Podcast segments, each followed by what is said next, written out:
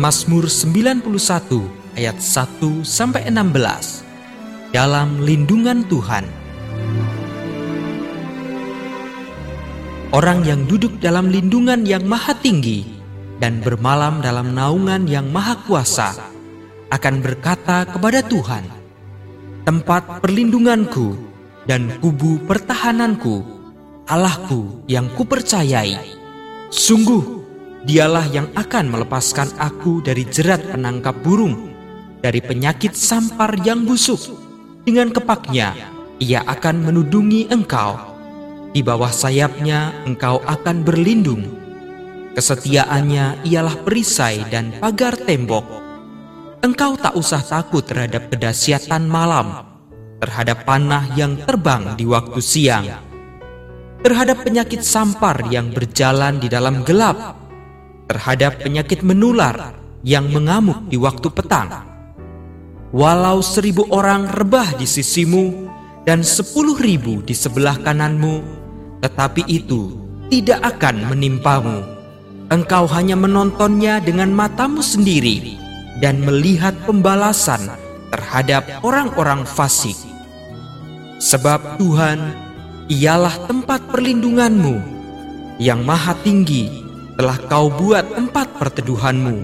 Malapetaka tidak akan menimpa kamu dan tulah tidak akan mendekat kepada kemahmu. Sebab malaikat-malaikatnya akan diperintahkannya kepadamu untuk menjaga engkau di segala jalanmu. Mereka akan menatang engkau di atas tangannya, supaya kakimu jangan terantuk kepada batu. Singa dan ular tedung akan kau langkahi. Engkau akan menginjak anak singa dan ular naga. Sungguh, hatinya melekat kepadaku, maka aku akan meluputkannya Aku akan membentenginya, sebab ia mengenal namaku. Bila ia berseru kepadaku, aku akan menjawab. Aku akan menyertai dia dalam kesesakan. Aku akan meluputkannya dan memuliakannya. Dengan panjang umur akan kukenyangkan dia dan akan kuperlihatkan kepadanya keselamatan daripadaku. Amin.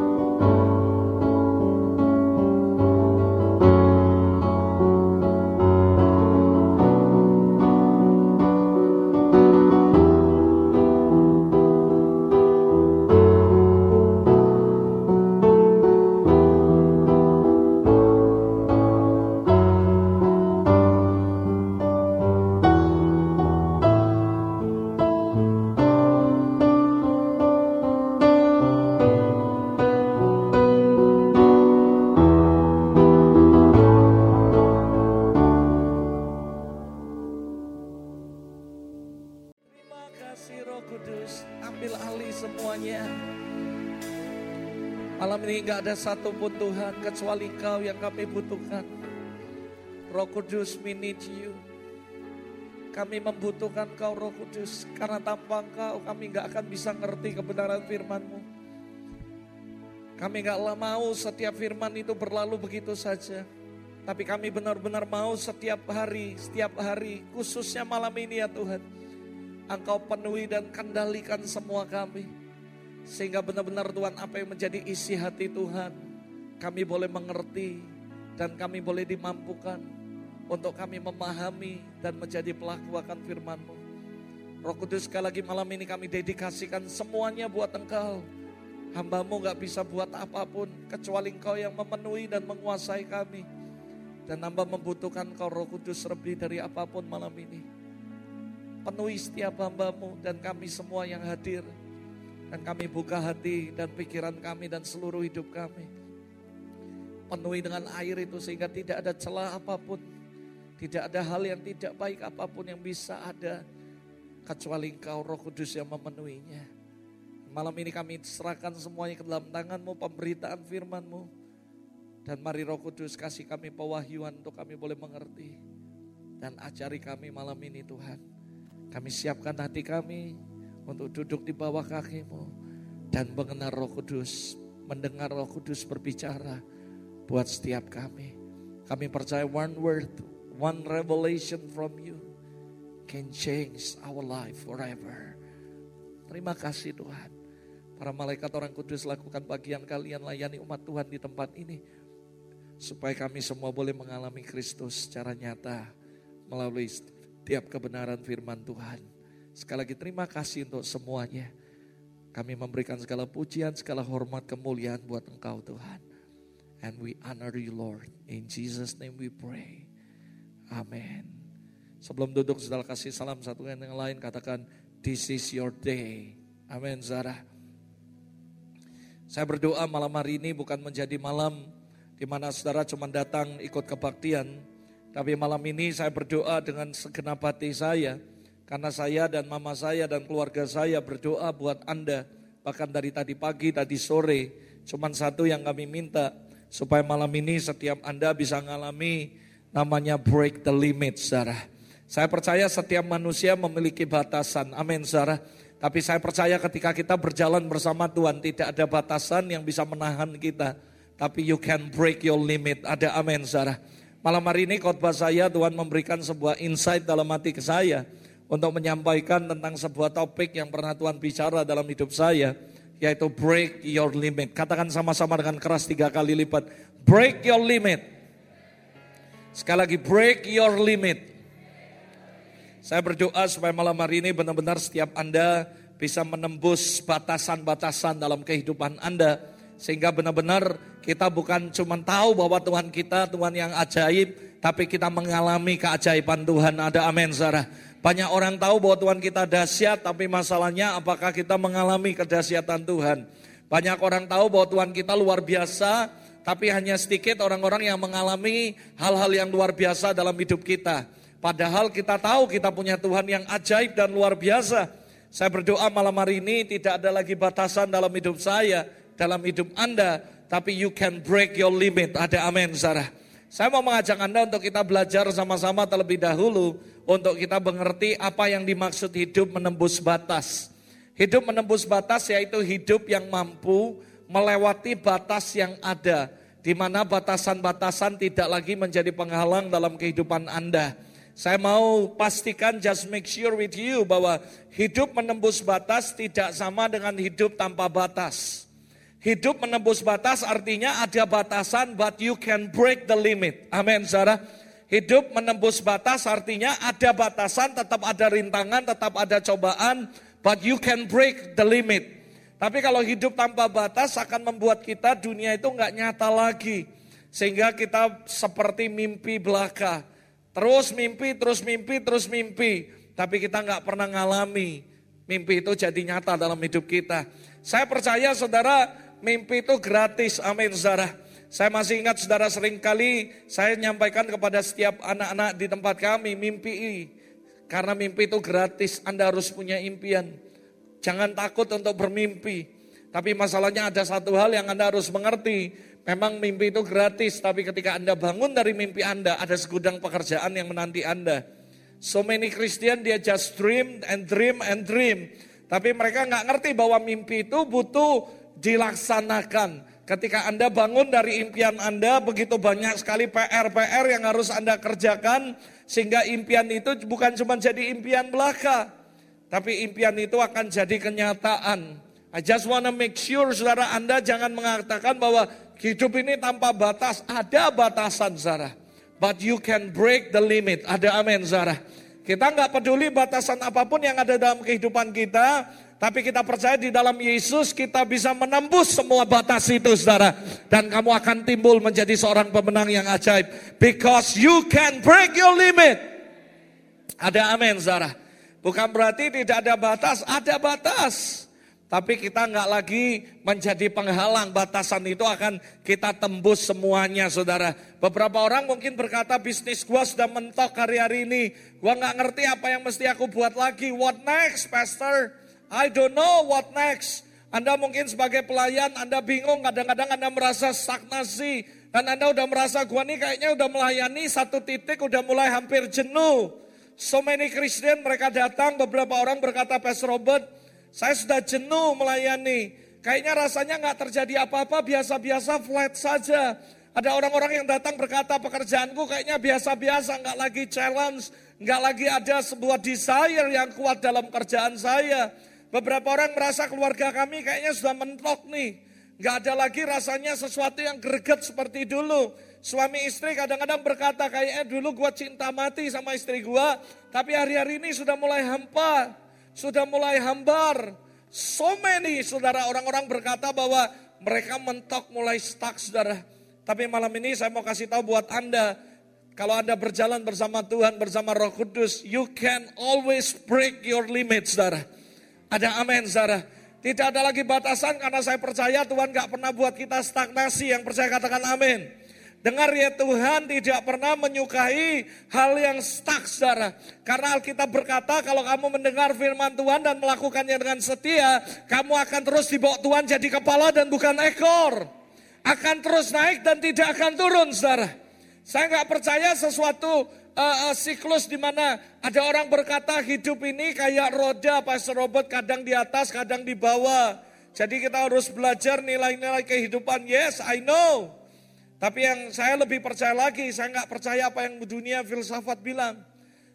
Saya lebih percaya apa yang Alkitab bilang tentang hidup saya. Dia nggak pernah ngomong bahwa hidup kita kayak roda. Ada orang bilang, Pastor ini uh, filsafat. Katanya hidup itu kadang di atas, kadang di bawah. Supaya waktu kita di atas, kita ingat, kita rendah hati. Dan waktu kita di bawah, Tuhan sedang proses kita untuk rendah hati. Sebenarnya saya percaya bahwa Tuhan gak pengen seperti itu, saudara. Berapa banyak saudara percaya Tuhan itu gak iseng mendesain Anda. Berhasil, gagal, berhasil, gagal, berhasil, gagal. Enggak, saudara.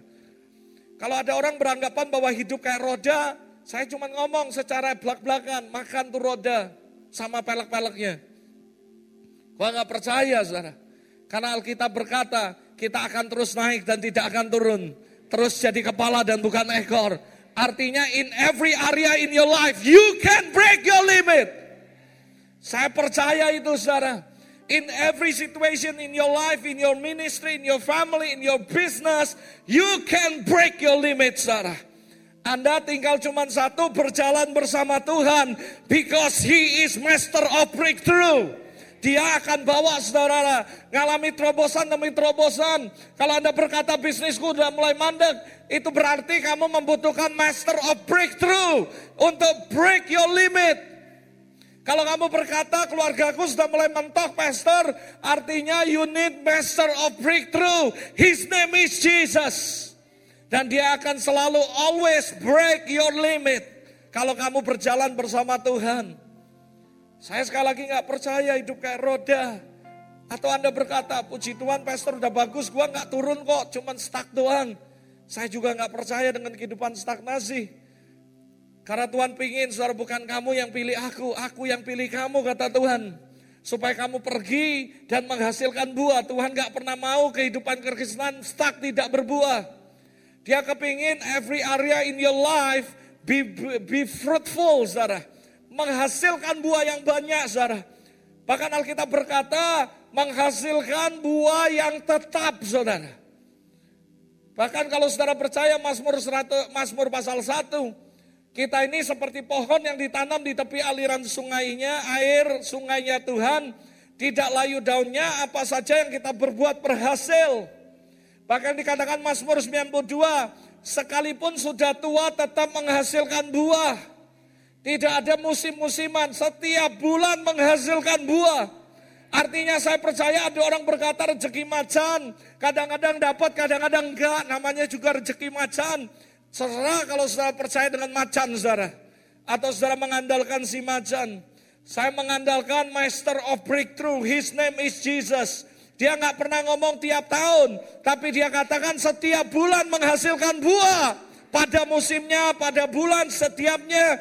Karena saya percaya bahkan sekalipun kita sudah tua, tetap menghasilkan buah. Karena Tuhan akan selalu break your limit.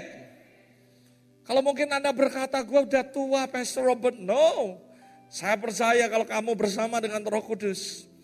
Kamu bersama-sama dengan Master of Breakthrough Every area in your life will be breakthrough, saudara. Karena Tuhan akan terus bawa Anda dan saya untuk menembus setiap batasan apa pun dalam hidup kita. Yang percaya katakan amin, saudara. Pertanyaannya, saudara, mengapa kita harus menembus batas, saudara? Anda bisa lihat, saudara, slide berikutnya. Dikatakan, why? Kenapa kita harus hidup menembus batas, saudara? Kenapa, saudara? Karena saya percaya saudara Alkitab berkata saudara.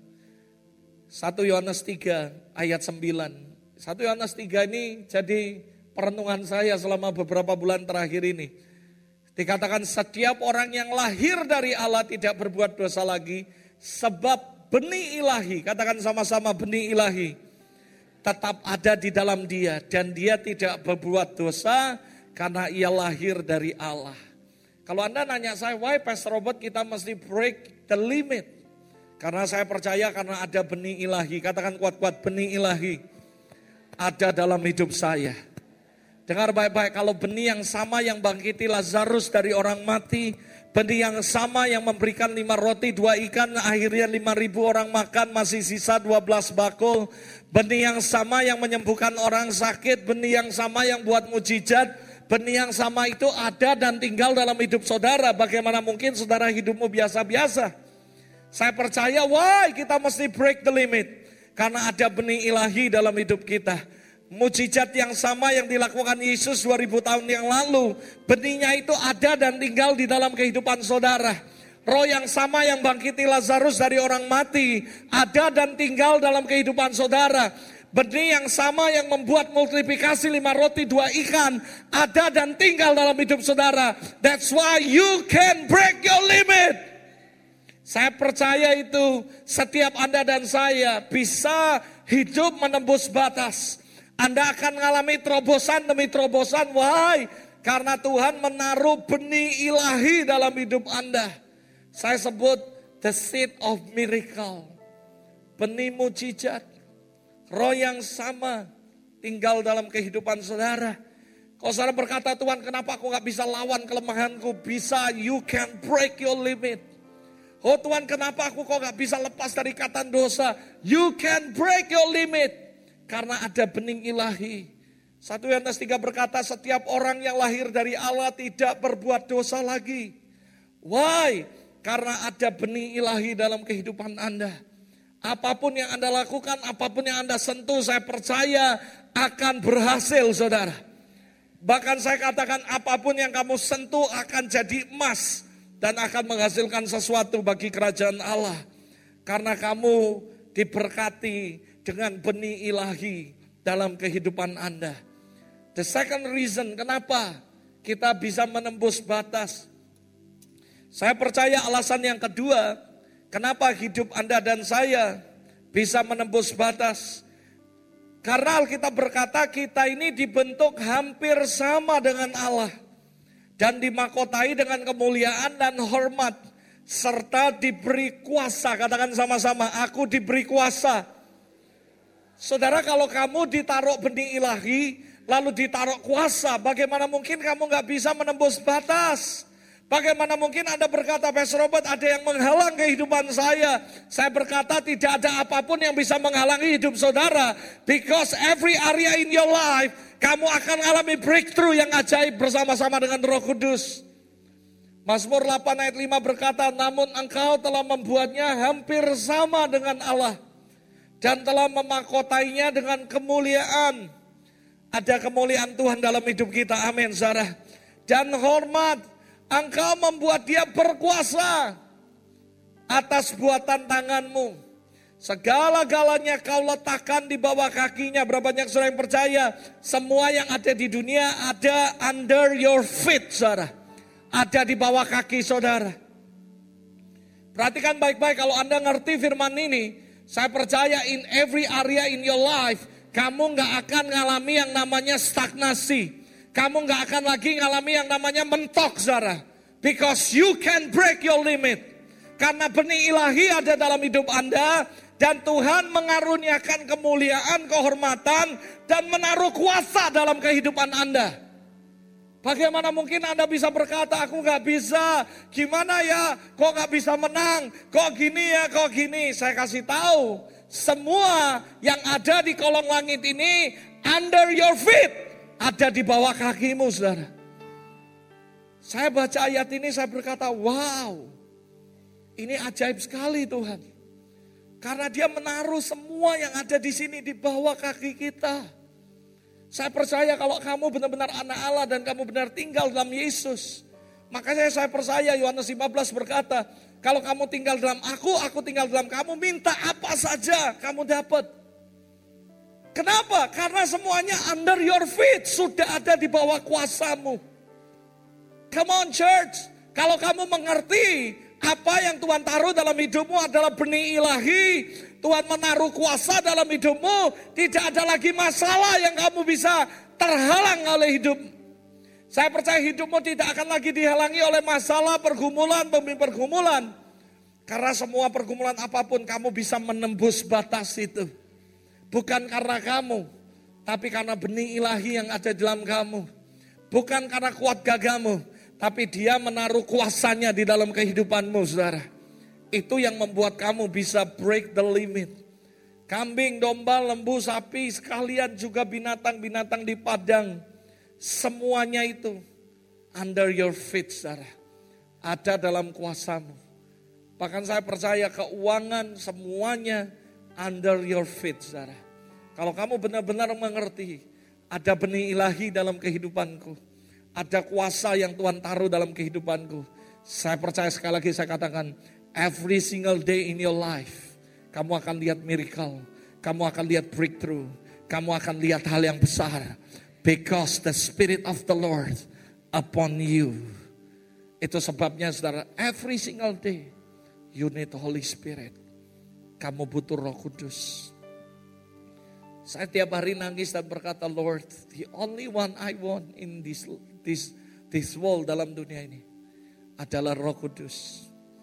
Beberapa waktu lalu Tuhan berikan sebuah ilustrasi tentang Holy Spirit sound. And saya berkata, Lord, I need Holy Spirit sound every single day in my life. Saya benar-benar beberapa hari ini, beberapa bulan, beberapa tahun ini terakhir, Roh Kudus terus ajarkan. Saya berkata, Roh Kudus, aku mau bergantung hidup sama engkau. I cannot live without you. Mama saya selalu doa berkata, Tuhan satu hari aja tanpa engkau, lebih baik mati. Kenapa? Karena nggak ada arti hidup kalau kita jalan sendiri. Tapi kalau kamu berjalan bersama Roh Kudus, saya kasih tahu every single day in your life is a miracle, Sarah. Kamu akan punya passion, kamu akan punya gairah, kamu akan begitu excited. Karena setiap hari kamu akan mengalami mujizat demi mujizat yang bersaya katakan amin. Hari-hari terakhir ini kami kadang-kadang sampai tercengang-cengang dengan apa yang Tuhan buat. Kami sampai merasa wow Tuhan, only you can do that. Banyak hal, mengalami mujizat dari hal-hal yang kecil dari kehidupan sehari-hari kami mengalami ada batasan, tapi kami selalu lihat bersama Roh Kudus. Kami bisa break the limit, Sarah. kami bisa melewati, kami bisa menembus setiap batasan yang setan kasih atau manusia kasih batasan dalam hidup kita. Tapi saya percaya bersama dengan Roh Kudus tidak ada batasan apa pun. You can break the limit, Sarah. Saya mau ajak Anda untuk belajar contoh dari beberapa tokoh Alkitab. Siapa saja dalam tokoh Alkitab yang mengalami break the limit, Sarah. Mungkin orang-orang berkata break the limit ini hamba-hamba Tuhan besar diurapi. Oh kalau misalnya kayak ibu break the limit wajar karena mereka cinta Tuhan. Dia hamba Tuhan, dia pakai Tuhan luar biasa. Saya belum lahir dia udah ketemu Tuhan. Oh kalau ini, kalau ini saya kasih tahu. Saya mau ajak Anda belajar dari orang-orang biasa yang tidak dikenal Zara. Seperti dikenal oleh Elia, kayak Elia, Elisa dan sebagainya tapi contoh-contoh simpel dan saya percaya contoh-contoh ini mengangkat sisi kehidupan Anda masing-masing.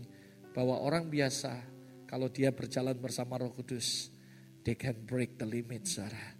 Siapa yang pertama saudara? Anda semua kenal seorang janda di Sarfat, bahkan namanya nggak dikenal oleh siapa pun. Nobody knows namanya dia siapa sih? Entah dia entah namanya Siti, entah namanya apa pun. Nobody knows. Tapi apa yang dia lakukan? Dia break the limit, Sarah. Satu Raja-Raja 17 ayat 12 berkata seperti ini. Perempuan itu menjawab, Demi Tuhan alamu yang hidup, sesungguhnya tidak ada roti padaku sedikit pun. Kecuali segenggam tepung dalam tempayan dan sedikit minyak dalam buli-buli. Dan sekarang aku sedang mengumpulkan dua potong kayu api Kemudian aku mau pulang, mengelolanya bagiku dan bagi anakku dan setelah kami memakannya, maka kami akan mati. Saudara kalau Anda baca Alkitab, Anda harus renungin, hayati. Saya mau belajar saudara ketika baca Alkitab saya membayangi imajinasiin saudara. Saya tuh ngebayangi betapa miskinnya janda ini. Sampai nggak punya apa-apa lagi, sampai punya harta yang terakhir. Sampai ini bukan bukan masalah uh, uh, uh, uh, apa ya istilahnya istilahnya dalam bahasa itu melebih-lebihkan membesar-besarkan saudara. Hiperbola saudara. Bukan saudara. Tapi ini kebenaran bahwa dia memang orang miskin dan suatu hari Elia datang sama dia buatkan aku roti. Dia berkata aku tuh nggak punya apa-apa. Cuman segenggam tepung sedikit minyak. Lalu aku cari dua tiga potong kayu Aku mengolahnya, memakannya dengan anak-anakku lalu kami akan mati. Artinya kalau saya menerjemahkan, mungkin saudara dia cuma punya 20 ribu. Lalu dia beli nasi jamblang, makan bareng-bareng, lalu mati. Saudara nggak ada lagi makanan. Kurang lebih kayak gitulah ceritanya. Dan Anda tahu ini artinya orang miskin sekali, dia dibatasi. Dan janda lagi saudara. Saudara saya tidak tahu apa yang Anda alami, mungkin Anda berkata Tuhan banyak sekali keterbatasan dalam hidupku. Apakah aku mungkin bisa mengalami break the limit? Saudara, pelajaran ini sangat bagus dari seorang janda di Sarfat. Tuhan nggak pakai orang kaya, dia pakai janda ini saudara. Bukan berarti orang kaya nggak dipakai, orang kaya juga dipakai. Tapi Tuhan cuma mau kasih ajaran kita, mengajar kita bahwa break the limit bukan cuma orang kaya. Siapa pun selama dia percaya dan melakukan firman, akan terus naik dan tidak turun. Akan break the limit. Lalu apa yang dilakukan janda ini? Janda ini nurut dengar firman Tuhan. Dan dia lakukan. Berapa banyak saudara yang percaya kalau saudara melayani seorang nabi, maka saudara akan dapat upah nabi.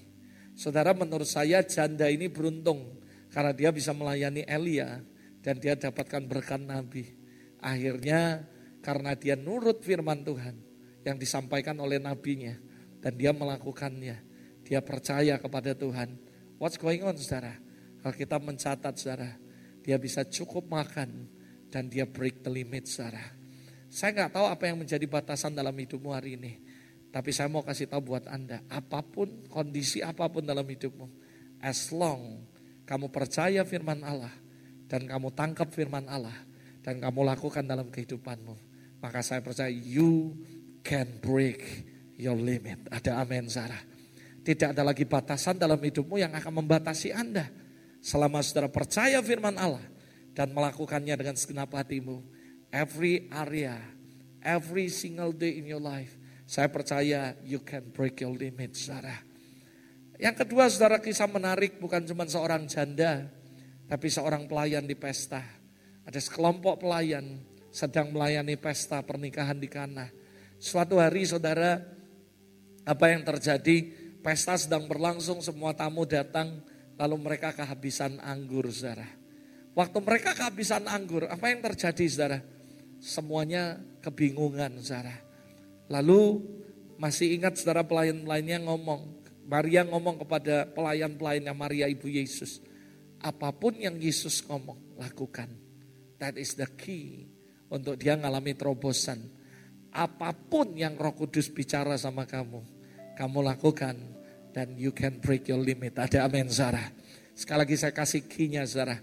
Apa pun yang Roh Kudus ngomong sama kamu, you just do it Sarah. Dan kamu akan lihat ada terobosan yang terjadi dalam kehidupan Anda. Saudara walaupun kadang-kadang Roh Kudus lebih banyak ngasih yang tidak masuk akal. Karena saya percaya hal yang masuk akal gak perlu Roh Kudus kita bisa lakukan. Justru Tuhan berkata dia akan lakukan lebih dari apa yang kita pikirkan dan doakan Zara. Kita expect untuk mengalami mujizat lebih dari apa yang kita pikirkan dan doakan. Tapi kita juga harus berani keluar of, of the box. Keluar dari pemikiran Anda dan melakukannya dengan taat saja kepada roh kudus. Dan melakukan walaupun apa yang roh kudus suruh kita kadang-kadang gak masuk akal Zara. Seringkali ketika roh kudus berbicara dalam hidup kita gak masuk akal punya saudara. Saya mau cerita nanti kesaksian bagaimana Tuhan benar-benar berbicara dan tidak masuk akal punya. Tetapi ketika kami lakukan, kami mengalami break the limit saudara dalam hidup kami. Karena kami percaya Tuhan gak mau kita stuck, tapi Tuhan mau terus bawa kita from glory to glory and from glory to the highest glory. Sampai bahkan unlimited glory saudara. Ada amin saudara. Nah apa yang terjadi sehingga suatu hari ayat 2 pasal 2 ayat 7 berkata Yesus berkata kepada pelayan itu, isilah tempayan-tempayan itu penuh dengan air dan mereka pun mengisinya sampai penuh. Dengar, sampai akhirnya pengurus pesta ngomong, waduh cilaka anggurnya habis. Lalu mereka kebingungan. Lalu mereka saling ngomong-ngomong, gimana ini habis, Gimbas? Lalu Yesus berkata kepada pelayan-pelayan itu, Bahkan nobody knows siapa nama-nama mereka saudara. Tapi Alkitab mencatat apa yang mereka lakukan. Yesus berkata isi semua tempayan itu penuh dengan air. Buat saya kalau cuman ini proses. Begitu cuman isi air nggak susah. Tapi begitu mereka tahu itu isinya air lalu mereka disuruh menuangkan. Nah that is the problem saudara. Saudara saya percaya ketika Tuhan berbicara sama Anda, take over tempat ini. Gampang Anda bisa aminkan. Tapi ketika Tuhan suruh ke notaris untuk bayar, that is the problem, saudara. Yang mengerti katakan amin, saudara. Iman bisa jadi amin. Begitu diomongi, kita akan jadi berkat, amin. Kita akan ngasih makan 5 ribu orang, amin. Ayo kita sokongan, mana uangnya, kita mau beli makanan. Nah that is the problem, saudara. Selalu muncul. Saudara ketika mereka isi air doang, is not the big problem. Cuman isi air doang, tapi mereka ngerti karena mereka yang isi air itu lalu diomongin. Sekarang cedok kasih orang-orang yang di pesta. Wah itu merinding saya. Dia nggak bisa ngomong gini, yuk kalau kasih anggur terus nanti mabok. Nah ini air putih untuk netralin. Gak ada ceritanya gitu saudara. Saudara ini big problem. Di situ iman muncul, tapi iman itu untuk dilakukan. Karena kalau kita beriman tidak melakukannya, iman itu kosong mati saudara. Tapi kita percaya ketika kita mendengar firman Allah, muncul iman. Karena iman timbul dari pendengaran dan pendengaran akan firman Allah. Ketika Yesus ngomong sama mereka itu kayak firman sedang ngomong saudara. Karena waktu itu Yesus ada dan tinggal bersama mereka. Sekarang Yesus gak ada bersama-sama kita secara fisik. Tapi kita percaya semua firman yang disampaikan itu Yesus sedang berbicara kepada kita. Dan Alkitab berkata iman itu timbul dari pendengaran. Ketika dengar khotbah, ketika kita baca firman, langsung muncul iman. Tapi iman tanpa perbuatan tong kosong nyaring bunyinya. Tidak berguna. Saudara ketika kita mendapatkan suara Tuhan, muncul iman saudara. Dan iman harus dilakukan. Karena ketika kamu melangkah, maka kamu akan lihat mujizat. Saya percaya di mana ada iman, mujizat terjadi, saudara. Tapi bukan cuma iman sampai percaya saja. Tapi melakukan saudara. Dan ketika saudara melangkah, saudara percaya dan saudara lakukan, maka saya percaya mujizat akan terjadi, terobosan akan terjadi. Imagine saudara, bayangkan mengisi air penuh, kalau dibilang cedok kasih semua peserta pesta, wah itu mengerikan saudara. Dan mereka tahu persis saudara. Ada banyak orang berasumsi, katanya itu air tetap air putih, lalu begitu dituang baru jadi anggur. Ada yang ngomong sudah berubah anggur dulu lalu baru dituang. Yang mana yang benar? Nobody knows. Yang saya tahu cuma satu, di end of the day semua peserta pesta bilang ini anggur terbaik. Ini anggur yang terbaik saudara. Dikatakan biasanya orang kalau pesta ngasih anggur yang terbaik dulu, baru habis itu yang sisanya yang kurang baik. Tapi sampai sekarang kamu menyimpan anggur yang terbaik. Kenapa? Karena mereka nggak tahu ini anggur supranatural. Yang percaya katakan amin, Zara. Anggur biasa dengan anggur supranatural rasanya beda. Baru-baru ini mama saya punya botol satu. Lalu dia isi air putih. Beneran air putih. Lalu dia taruh, dia doain biasa kayak tas. Suatu hari Tuhan suruh dia keluarin Waktu dia keluarin itu air putih berubah jadi minyak wangi. Kayak ada alkoholnya dan jadi parfum Zara. Saya bilang, mak ini bukan air, ini parfum. Kamu beli parfum dari mana? Oh enggak, enggak, ini aku isi air, beneran air putih. Saya bilang, oh ya, ini parfum loh mak. Beneran nanti mama bisa kasih ibu si cobain gitu. Itu parfum, wanginya minta ampun. Itu air putih Zara. Saya ngebayangi, oh mungkin kayak gitu ya. Tuhan Yesus suruh isi air simpen lalu tiba-tiba berubah jadi anggur. Nah ini mama simpen air putih di botol tiba-tiba berubah jadi parfum saudara. Kalau kami, kami pernah ngalami ketika iman pelayan pesta ini saya mengaminkan dan saya percaya seribu persen. Kenapa saudara saya percaya seribu persen? Karena di kolam di taman kita juga air putih tiba-tiba berubah jadi merah. Jadi kalau misalnya khotbah tentang ini, saya sangat pede. Karena I already experience yang kejadian ini air putih jadi merah, jadi anggur. Oh saudara pernah ada di Bandung saudara ketika uh, uh, saya dapat kesaksian katanya darah Yesus yang dikasih tiba-tiba berubah saudara berubah jadi apa anggur beneran rasanya kayak anggur saudara diminum.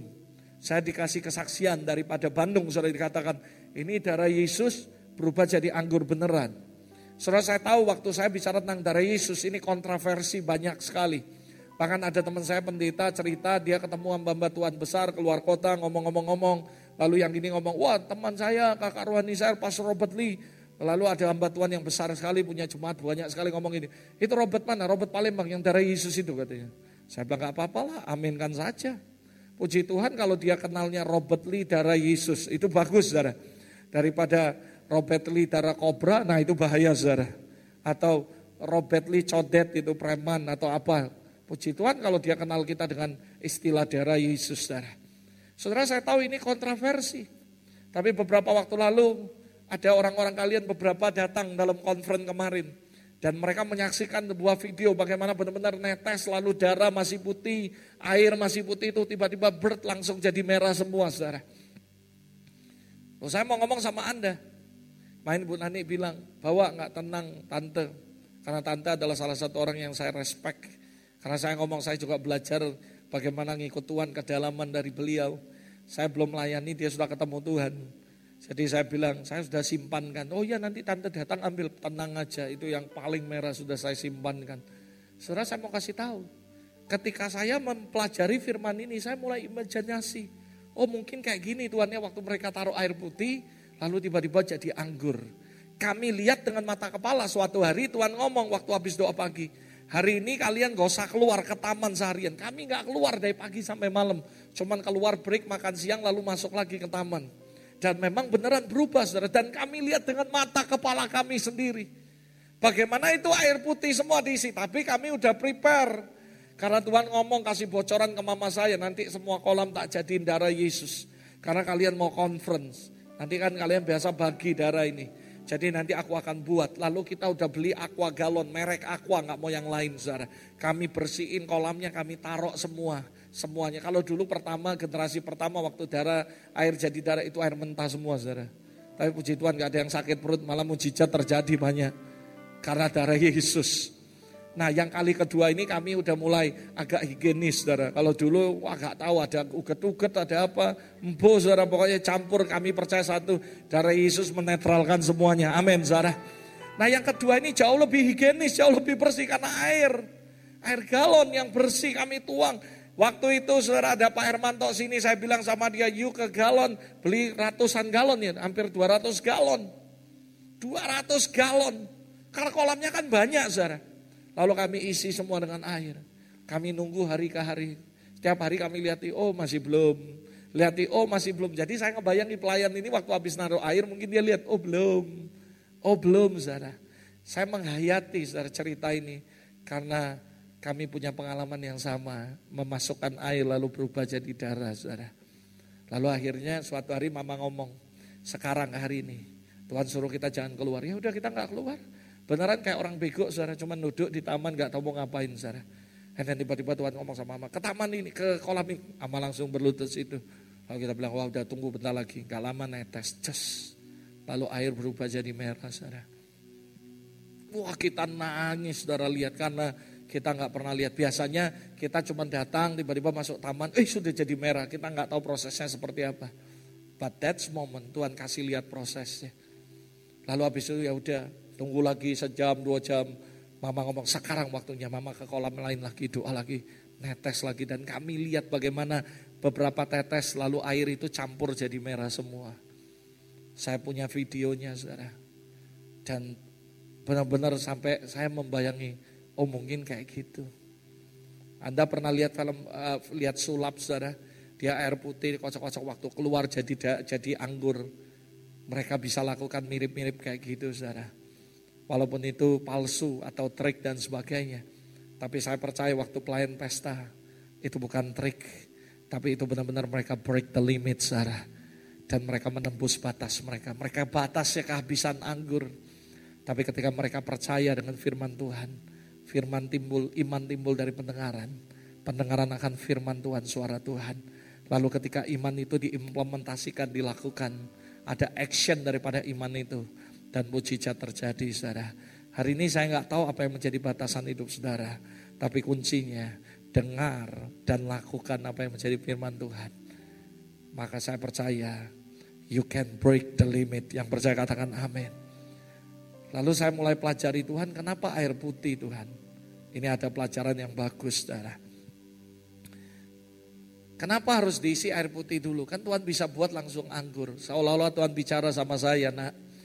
Kita itu kayak air biasa, air putih. Kita ini cuma punya kehidupan yang biasa. Namun setelah kita bertemu Tuhan, kehidupan kita bisa berubah menjadi anggur yang manis dan dinikmati oleh banyak orang. Pengertian lainnya, kita tuh harus mengisi dulu tempayan kita dengan apa yang kita punya, air, hal yang biasa diserahkan kepada Tuhan dan disentuh Tuhan oleh tangannya, maka itu akan menjadi sesuatu yang luar biasa. Baru setelah itu bisa digunakan Tuhan untuk dinikmati orang lain. Kalau kamu nggak pernah menyerahkan hidupmu buat Tuhan, gimana Tuhan mau pakai kamu? Kamu perlu melakukan action plan, yaitu seperti air biasa dan serahkan ke Tuhan. Dan biarkan tangannya yang menyentuh hal-hal yang biasa, orang-orang yang biasa, orang-orang yang sederhana. Yang saya tahu di Alkitab Tuhan gak pernah bangkiti orang yang hebat saudara. Selalu dimulai dari orang-orang biasa yang mau percaya kepada Tuhan yang luar biasa. Orang-orang biasa yang memberi hidupnya secara luar biasa. Orang-orang biasa yang sederhana tapi merelakan untuk melakukan hal yang luar biasa untuk Tuhan saudara. Semuanya dipakai Tuhan seperti air jadi anggur dari hidup yang biasa dari air yang biasa-biasa disentuh oleh tangannya Tuhan. Jadi anggur dan dinikmati oleh banyak orang dan menjadi kemanisan bagi banyak orang. Saya percaya this is my pray. It's time for your breakthrough. Yang percaya katakan amin. Saya percaya this is your day. This is your day. This is your day. This is your day. You can break your limit. Kalau kamu dengar firman Allah dan kamu melakukannya dengan segenap hatimu, my pray, doa kami, you can break your limit. But pertanyaannya, but how pastor? Gimana caranya supaya kita break the limit? Saya membagikan hal-hal yang praktis supaya saya berdoa supaya gampang diingat supaya Anda ngerti apa yang membuat kita bisa mengalami terobosan. How? Bagaimana caranya? Berapa banyak saudara yang mau mengalami terobosan malam hari ini? Angkat tanganmu tinggi-tinggi saudara. Doa saya Tuhan semua orang yang mengangkat tangan hari ini. Roh Kudus bawa mereka untuk mengalami terobosan. Bukan karena kami, tapi karena firmanmu yang mereka percayai. Dan aku berdoa setiap tangan bahkan orang-orang yang siapa pun yang malam hari ini streaming di mana pun mereka berada. Ketika mereka mengangkat tangan, aku berdoa Roh Kudus yang sama yang ada di tempat ini sekarang. Bekerja move right now dalam kehidupan mereka. Dan mereka semua kami berdoa akan break the limit in the name of Jesus. Saudara catat baik-baik ini hal yang harus Anda lakukan supaya Anda bisa break the limit. Yang pertama saudara. Yang pertama adalah dibutuhkan keberanian untuk menerobos. Katakan sama-sama keberanian. Keras-keras lagi keberanian. Saudara untuk break the limit Anda nggak cuma percaya tapi punya keberanian. Saudara janda Sarfat berani saudara ketika Elia menyampaikan sesuatu yang nggak masuk akal buatkan dulu untukku. Dan dia berkata, aku gak punya apa-apa. Ini yang terakhir habis aku makan mati. Tapi dia berani untuk nabur untuk hamba Tuhan. Dia berkata Tuhan kalau memang ini dari Tuhan, Tuhan yang ngomong. Aku punya iman, tapi iman saja tidak cukup. Butuh keberanian untuk menerobos darah. Ada begitu banyak orang Tuhan sudah kasih jalan keluar. Tapi mereka nggak pernah berani untuk melangkah. Karena mereka tidak cukup keberanian. Saudara pelayan pesta ini sudah jelas-jelas Yesus ngomong. Ambil air, isi dengan air. Mereka lakukan ini. Tapi ketika Yesus berkata imanmu udah cukup sekarang. Now bawa air itu kasih cedok kepada semua orang yang ada di pesta. Itu butuh keberanian saudara. Iman saja nggak cukup. Anda harus melangkah dan ketika melangkah itu pasti identik dengan keberanian. So many Christian dapat firman Tuhan, tapi ketika disuruh melangkah takut. Disuruh melangkah khawatir, saudara. Saudara saya percaya artinya kita harus memiliki kemampuan. Tidak nyerah dengan keadaan. Harus punya kemampuan untuk berubah. Sekarang masalahnya bukan apa bisa lakukan, tapi apa mau melakukan untuk menembus batas itu. Contoh satu lagi yang membutuhkan keberanian ekstra. Kejadian di mana suatu hari bangsa Israel didatangi oleh seorang raksasa bernama Goliat. Dia berkata, aku menantang semua barisan tentara Tuhan. Tidak ada satupun orang yang punya keberanian. Dia mentantang menghina barisan Allah. Dan tidak ada satu orang pun kenapa? Karena yang menghalangi itu adalah Goliat besar. Kalau yang menghalangi orang biasa mungkin sudah banyak orang yang berani nantang. Tapi akan ada masanya Anda dan saya akan dihadapkan dengan raksasa dalam kehidupan Anda. Waktu itu sebenarnya Anda tahu kalaupun Anda lawan pasti kalah. Anda bukan masalah menang kalah, tapi Anda harus percaya kalau Allah beserta Anda, siapa lawan Anda, saudara. Anda harus percaya, ya aku nggak sanggup, ya aku nggak mampu, tapi kalau Roh Kudus berkata, maju, saya akan maju. Karena saya percaya bersama Roh Kudus, I can break my limit. Saudara masalahnya nggak cukup cuman iman, butuh keberanian. Akhirnya tiba-tiba muncul seorang anak muda bernama Daud. Saya nggak tahu antara berani dengan nekat itu beda tipis, saudara. Kadang-kadang ada orang tuh bukan berani tapi nekat. Tapi kalau sikap hati benar, nekat pun dibela sama Tuhan, saudara. Saya banyak lihat orang yang sebenarnya bukan berani tapi agak nekat. Tapi karena dia polos, dia jujur, dia tulus. Nekat pun kalau sikap hati benar Tuhan kasih kemenangan. Saudara. Saya tidak tahu Daud ini nekat atau memang berani atau pemberani. Atau mungkin saudara ada satu tentara bilang, gua udah gak sanggup hidup, gua udah diputusi pacar, udahlah mendingan gua lawan Goliat mati ya matilah terhormat. Daud gak seperti itu. Tapi dia benar-benar punya keberanian untuk menerobos. Dia berkata, kamu mendatangi aku dengan lembing, tapi aku mendatangi kau dalam nama Tuhan. Aku percaya Tuhan akan kasih kemenangan kepadaku. Saudara kenapa? Saudara karena dia percaya bersama Roh Kudus. He can break the limit, saudara. Butuh orang-orang yang berani untuk menerobos. Saudara ada banyak sekali orang jelas-jelas seolah-olah saudara kayaknya ada halangan, ada tembok. Padahal Anda harus percaya di balik tembok ada mahkota. Di balik tembok ada kemuliaan, di balik tembok ada kehormatan.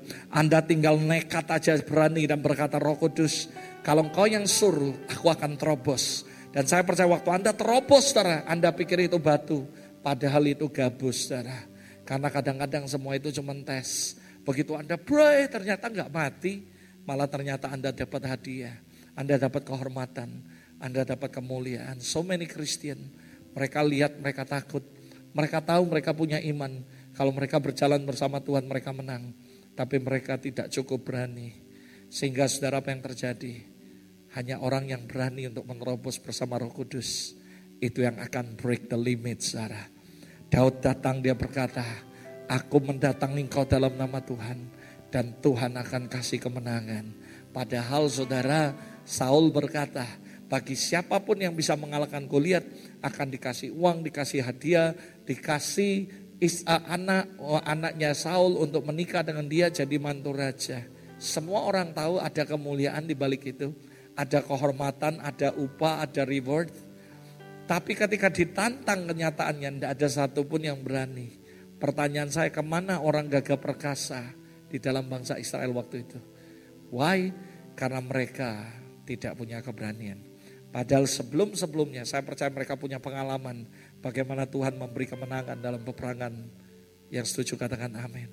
Tapi saat itu ketika mereka menghadapi lawan yang tidak biasa-biasa, lawan yang kapasitasnya jauh lebih hebat, mereka tidak percaya dengan kemampuan Tuhan. Dengar, masalahmu boleh besar, penyakitmu boleh besar, dan kamu tahu kamu nggak bisa mengatasinya.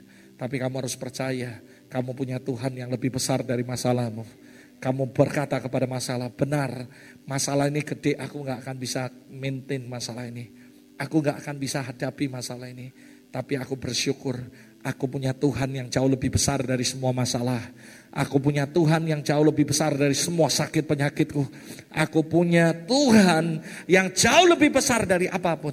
Dan kalau aku berjalan bersama dia, I can break every limit in my life. Ada amin, Sarah. Masalahnya banyak orang Kristen. Iman, iman. Tapi nggak berani melangkah. Hari ini saya mau ngajari sesuatu yang balance. If you wanna break your limit. Gak cukup cuma halal rohani. Kamu harus tambahkan butuh keberanian untuk menerobos. Banyak orang dapat firman, dapat nubuatan. Hanya sedikit orang yang melangkah. Saya tahu banyak orang tahu bahwa melangkah ke depan itu akan membawa keberhasilan tapi semua cuma amin, amin. Tapi tidak pernah melangkah menuju ke sana saudara. Dan saya percaya hanya orang-orang yang berani untuk nerobos yang akan lihat kemenangan. Hanya orang yang berani untuk menerobos akan melihat kemuliaan yang percaya katakan amin. Yang kedua apa yang harus Anda miliki? Supaya kita bisa mengalami terobosan yang ajaib bersama-sama dengan Tuhan. Supaya you can break your limit. Yang kedua Anda harus bisa lihat melebihi orang biasa saudara. Ini kalau orang berkata jiwa entrepreneur yang ada. Entrepreneur dengan biasa itu beda. Kalau entrepreneur dia bisa lihat apa yang orang lain gak lihat.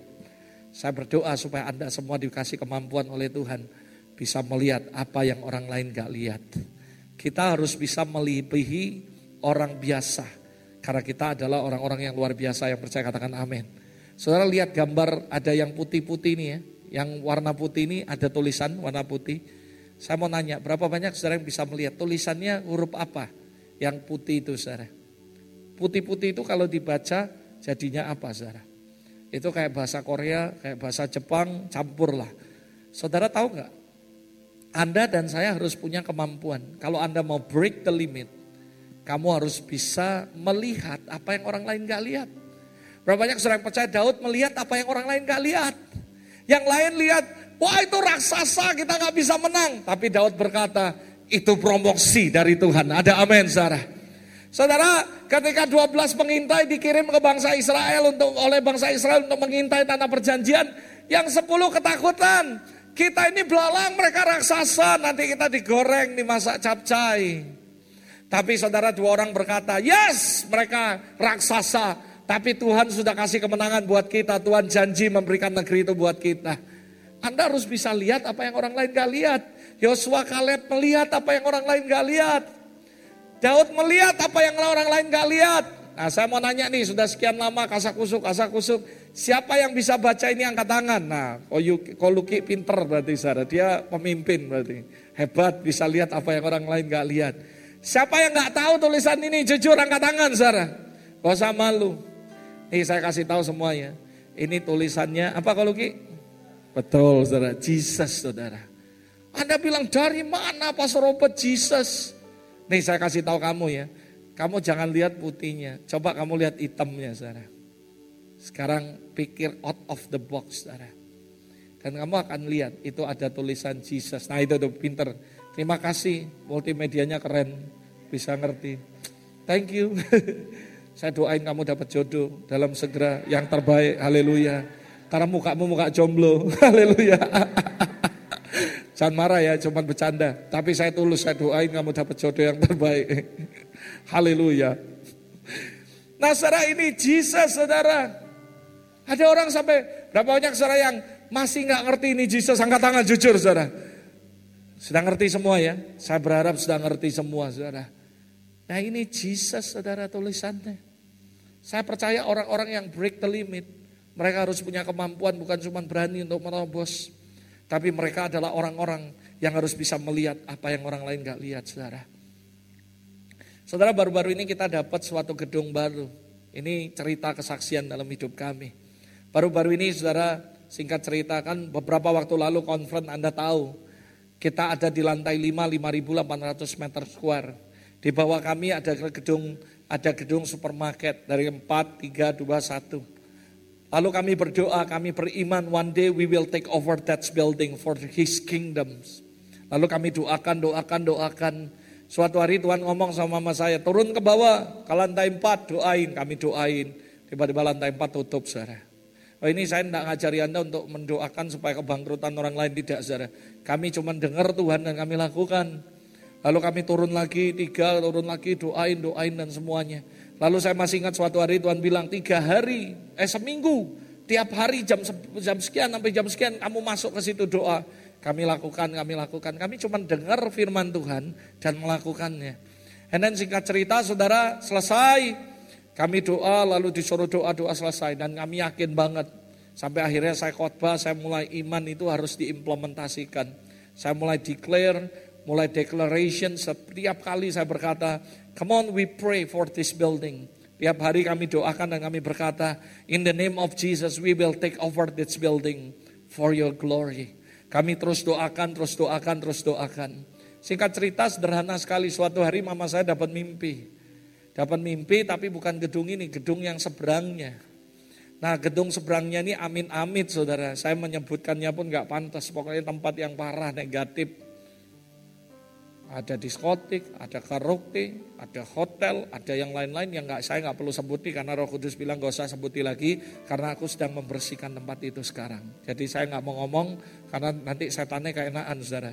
Padahal dia udah nggak boleh. Kami sudah tanda tangan sudah take over gedung itu. Jadi saya ngomong, saya ngomong yang baik saudara. Mama saya ngomong ke saya, saya bilang mama jangan mak ngomong sama Tuhan nggak mau ganti aja gedung yang ini. Kita ngapain di seberang? Kita maunya ini. Lantai 4, 3, 2, 1 mak. Oh gitu ya, iya saya bilang doa lagi. Tuhan bilang, kak aku mau kasih gedung itu. Saya bilang, mama jangan, gedung ini aja. Gedung ini enak, lantai empatnya apartemen, tiga, dua hotel, satu food, food mall, udah selesai, ngapain repot-repot saya bilang. Tapi Tuhan bilang, aku mau kasih gedung itu buat kamu. Ngapain Tuhan? Buat hotel. Saya masih ingat 2015 tanggal 31. Setelah kami doa Tuhan ngomong, minta lima permintaan apa aja aku akan kabuli. Waktu itu kami nulisnya nggak ada hotel. Setelah selesai Tuhan ngomong, kenapa nggak minta hotel? Saya bilang Tuhan, are you sure mau kasih hotel ke kita? Lalu mama saya doa, lalu saya bilang, mak kalau you bilang oke, okay, gua lakukan. Gua punya imannya, you punya favornya. Ketika ini jalan bersama, maka semuanya jadi. Dia agak rotok penakut, bahkan sangat penakut. Saya yang beraninya, nah saya yang ngerobosnya, saya yang imannya. Tapi dia punya favornya, dia yang backup doanya. Saya bilang kalau you oke, okay, gua ambil. Lalu singkat cerita saudara, Singkat cerita saya bilang, ya udahlah kalau memang Tuhan. Kami sampai uji enam kali loh saudara. Setelah enam kali diuji baru kami yakin, kami ambil. Karena kami pikir gini, Tuhan ngapain? Saya cerita sama orang-orang, orang-orang ketawai saya. Yuk bego sekali, beli tanah bangun sendiri. Ngapain ambil yang bekas gituan? Saya bilang ini, kadang-kadang orang gak lihat apa yang kita lihat saudara. Saudara gak tahu saya tiba-tiba dari yang benci tempat itu jadi cinta. Cintanya tuh gini loh, saya bilang Tuhan, this is your project. Berapa banyak seorang yang percaya terang itu harus ada di tempat gelap. Bukan habis gelap terbitlah terang. Tapi di tengah gelap harus terbit terang. Sehingga gelap itu hilang. Tapi jadi terang. Ada amin Sarah. This project bukan cuma bangun hotel Sarah. Bukan cuma bangun mall. Tapi we change the community Sarah. Karena komunitasnya akan berubah Sarah. Kemarin saya kumpulin beberapa satpam, ketua keamanan, saya mulai ngobrol. Saya bilang, come on kita kerjasama, kita bangun nih buat komplek ini great again. Ada amin Sarah. Karena komplek ini pernah jadi komplek yang terbaik dulu tahun 90 sebelum ada mall-mall lain. Dan saya berkata Tuhan, bukan dengan kekuatan kami, tapi kekuatan Tuhan bersama Roh Kudus, we can break the limit. Saya mulai berkata, ayo kita berani. Lalu kita mulai nego, kita mulai ngomong. Akhirnya saya dipanggil oleh ownernya ke Singapura. Sampai di Singapura kita meeting di Mandarin Hotel, saya masih ingat. Lalu meeting itu membawa sebuah perubahan yang dahsyat. Karena yang punya owner ini bukan cuma satu gedung tapi satu komplek. Lalu begitu saya cerita tentang komplek ini, saya mau buat gini, saya mau ubah semuanya, saya mau buat komunitasnya berubah, saya ceritakan visinya. Lalu saudara, I'm very shocked dia berkata, Pas, uh, Robert Pak Pendeta, dia tahu saya pendeta karena gedung Ramayana itu juga punya dia. Saya sudah kerja 15 tahun sama dia, maksudnya kerja sama. Dan dia kasih kita tempat ibadah, taman Tuhan itu, itu dia pemiliknya juga. Jadi dia berkata, I'm very interest dengan konsepnya kamu untuk mengubah komplek ini. Dan mari kamu bisa ke Singapura kita bicara bukan is talk is not talk about one building but one complex. Wah, I'm shocked saudara. Ternyata kita untuk take over gedung ini, kita harus ambil gedung ini jalan pertamanya. Karena kenapa saudara? Ini yang paling mati, ini yang paling parah. Dan ketika kita berhasil seperti Daud, ketika dia mengalahkan Goliat, itu bukan tantangan, itu bukan beban, tapi itu promosi. Ada amin Sarah. Saya berkata Tuhan, aku berani nerobos dan aku bisa lihat apa yang orang lain gak lihat. Lalu singkat cerita waktu kami meeting di Singapura dan dia berkata, I wanna give you one complex. Tapi di situ hati saya diuji, saya berkata, no pak, kasih aku satu gedung ini dulu. Habis pulang ini kita sign kontrak. Setelah gedung ini berhasil, tahun berikutnya saya take over gedung seberangnya. Hotel 16 ruko. Lalu setelah itu terakhir, saya akan take over gedung yang ada di tempat saya. Saya lantai limanya sudah kami, dan kami mau semua dari lantai 1 sampai 4. Dan dia berkata, agree saudara. Dan saya tahu saudara, ketika kamu punya keberanian untuk menerobos, dan ketika saudara dengar baik-baik, kamu bisa melihat apa yang orang lain gak lihat You can break your limit, Sarah. Akhirnya singkat cerita beberapa waktu lalu saya sudah tanda tangan perjanjian dan sekarang gedungnya sedang direnovasi, saudara. Sedang dibangun, saudara. Saudara dibangun apa, saudara? Saudara dibangun food mall, ada hotel, ada education center, dan ada semuanya, dan ada rumah Tuhan, saudara. Karena saya bangun ini sebuah gedung lagi dengan kapasitas 500, dan di bawahnya juga ada yang kapasitas 200 but it's not for our church. Tapi kita bangun untuk gereja lain. Saya mulai undang hamba Tuhan berkata, yuk yang gak punya tempat boleh pakai, tinggal kita jadwali sama-sama. Dia berkata, yuk gila ya, yuk buat ini bukan untuk kamu, bukan untuk kalian, bukan untuk... Saya bilang, kita sudah ada di taman Tuhan, ngapain pindah? Bodoh banget saya bilang. Kita nggak akan pindah di gedung itu sampai Yesus datang kedua kali jemput kita.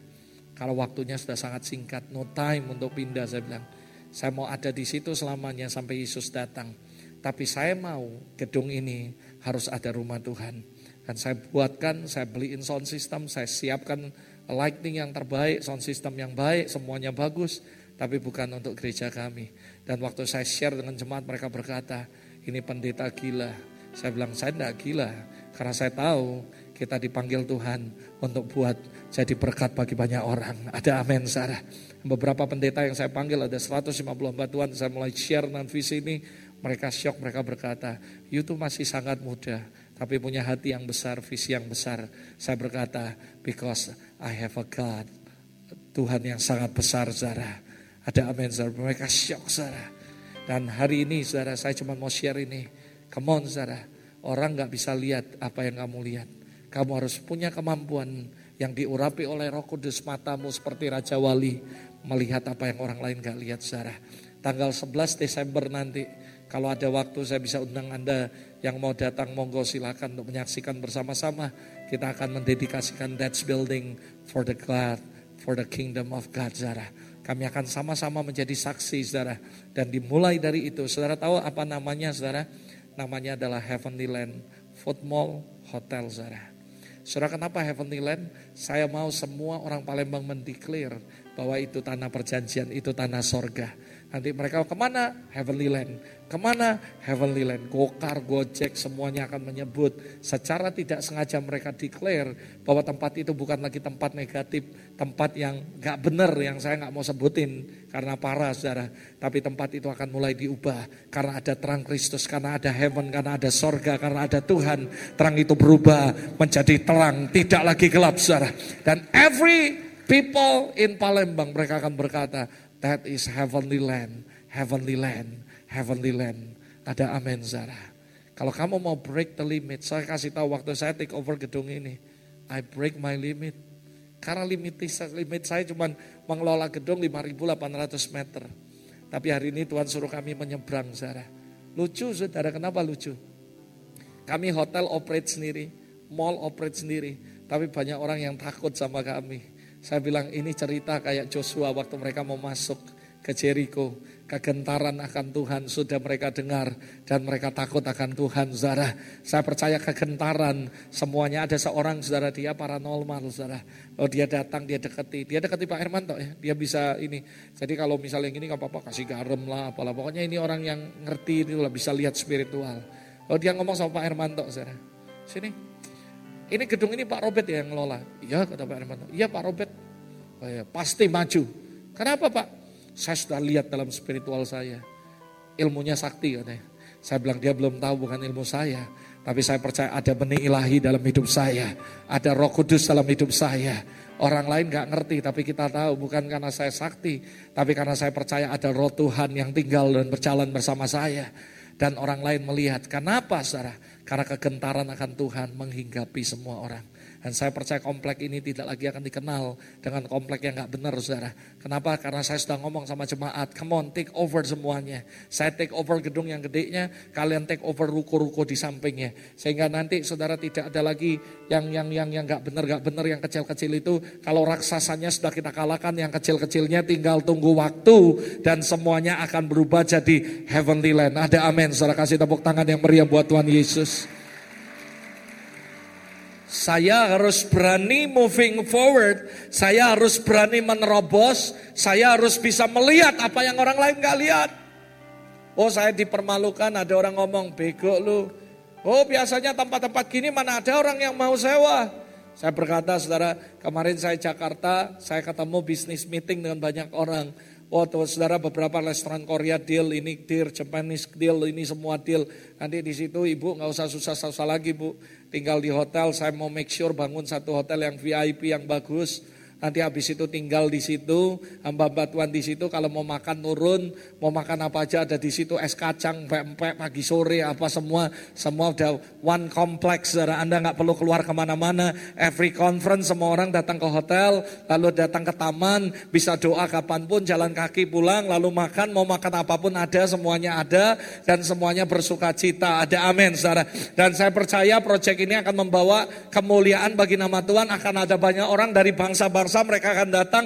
Gimana caranya anak muda yang nggak punya uang, yang bokek bisa take over satu komplek dan menjadikan komplek menjadi heaven. Dan saya percaya kemuliaan Tuhan akan dinyatakan dan semua orang akan jadikan ini kayak sekedar kayak trip rohani, saudara. Saya berkata, Lord, kalau bukan karena Tuhan nggak mungkin. Saya bersyukur Roh Kudus kasih kalian mata yang bisa melihat apa yang orang lain nggak lihat. Elisa berdoa kepada bujangnya ketika dia ketakutan. Dia doain lalu tiba-tiba Tuhan buka mata bujangnya. Dia lihat sepasukan malaikat. Saya tahu saudara kekuatan saya dikit. I don't have too much money.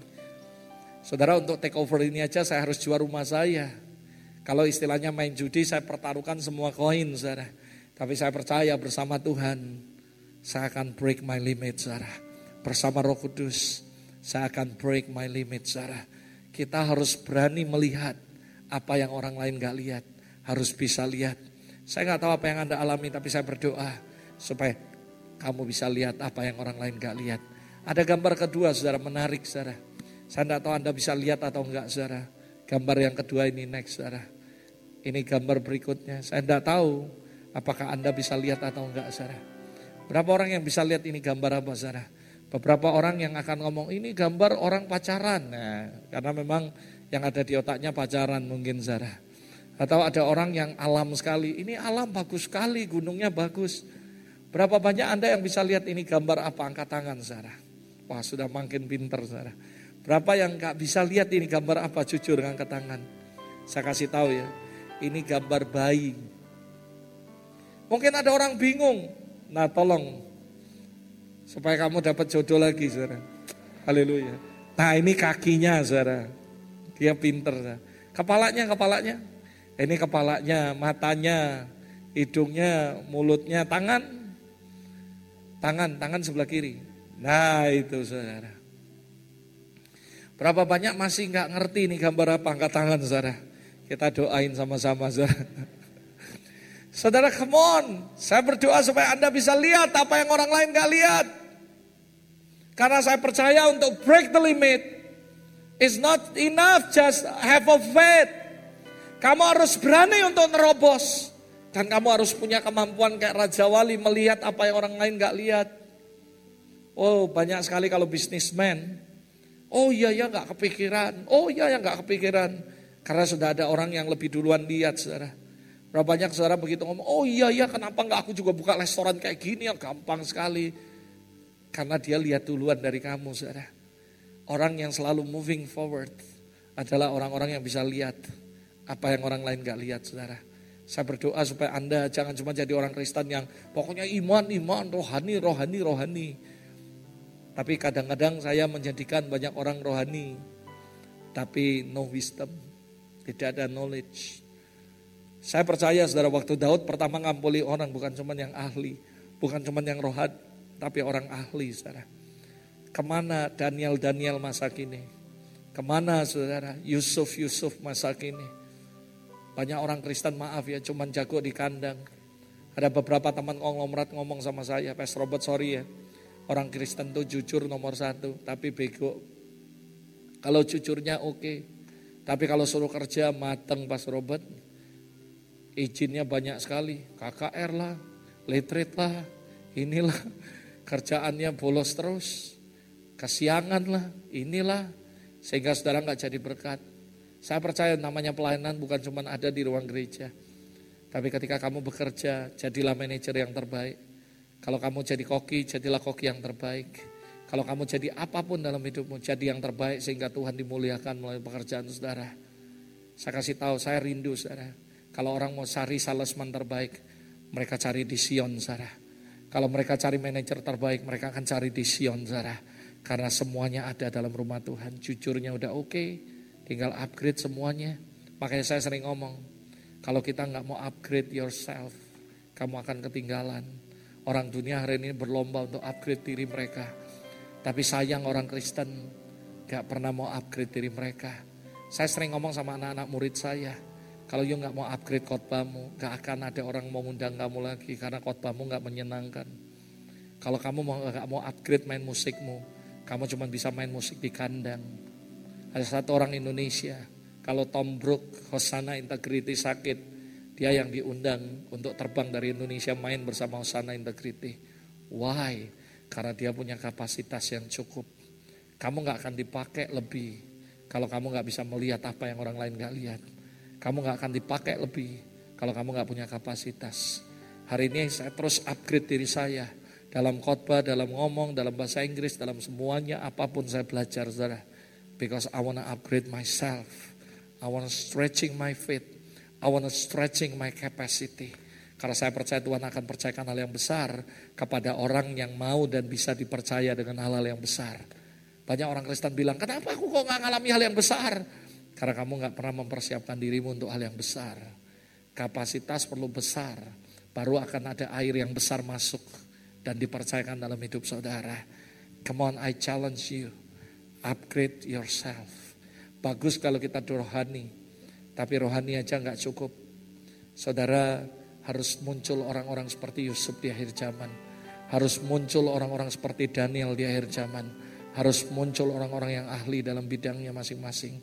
Sehingga membawa kemuliaan bagi nama Tuhan. Ada amin saudara. Yang ketiga saudara. Apa yang harus dimiliki saudara? Yang harus dimiliki mundur satu ya. Yang ketiga adalah kita harus berpikir dan bertindak extra mile. Katakan sama-sama extra mile. Artinya melakukan lebih dari apa yang diminta, apa yang dituntut. Matius 5 ayat 41. Siapa pun, bosmu, direkturmu, manajermu, kalau maksa kamu jalan sejauh satu mil, jalan bersama mereka dua mil. Yang setuju katakan amin. Kalau orang dunia nuntut kamu harus gini, harus gini. Kasih extra mile. Saya. Dan mereka akan tercengang-cengang, mereka akan berkata, wow orang Kristen ternyata bukan cuma jago rohani, doa, baca firman. Tapi mereka benar-benar melakukan hal yang besar. Mereka benar-benar luar biasa. Siapa pun yang maksa kamu jalan sejauh satu mil, jalan sama mereka dua mil. Kita harus mencapainya bersama-sama dengan Tuhan. Saya percaya orang-orang yang begitu dikasih tugas sama pemimpin, aduh susah nggak mungkin, ya akan maju. Tapi orang yang ketika dikasih tanggung jawab, dia melakukan lebih dari tanggung jawabnya. Orang itu sudah moving forward. Orang itu sudah to the next level. Bayangkan kalau saudara dikasih PR nih ngerjain soal 10. Saudara ngerjain 20, artinya levelmu lebih dari orang-orang biasa. Yang percaya katakan amin. Kalau orang ada nuntut kamu tanggung jawab untuk melakukan satu hal, lakukan lebih dari apa yang mereka harapkan lakukan lebih dari apa yang mereka ekspektasikan tentang hidupmu, maka sebenarnya kamu sudah moving forward dari orang-orang yang lain, saudara. Saudara, saya mau kasih tahu challenge saudara. Kalau tiba-tiba ada orang yang ngomongi kamu, melihat kamu ngomongi kamu gini-gini, karena mereka tuh pasti ada di belakang kamu. Makanya dia lihat kamu dan dia ngomongi kamu.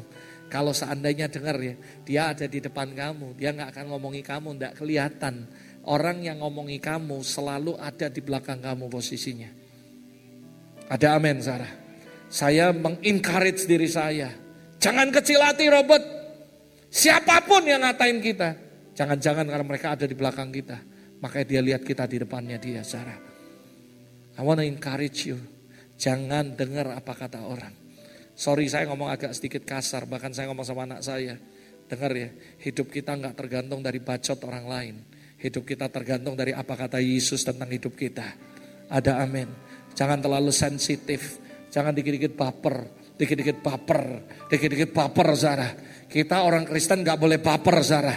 Karena hidup kita bukan hidup dari apa kata bacot orang tentang kita. Ada amin Zara. Kalau ada orang ngomong, alah kamu anak muda narinya gini. Dengar kata saya, tarianmu bisa menggetarkan sorga dan neraka Zara.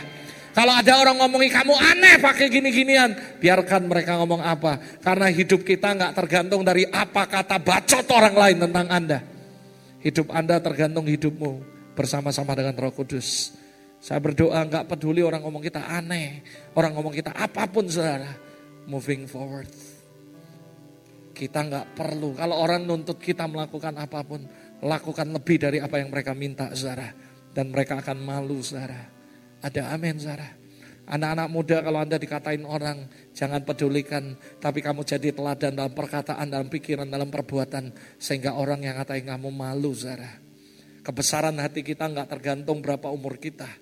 Tapi kebesaran hatimu tergantung saudara hati kita dengan Tuhan. Dan Tuhan yang tahu hati kita Sarah. Thanks God kalau kamu punya ibu yang luar biasa.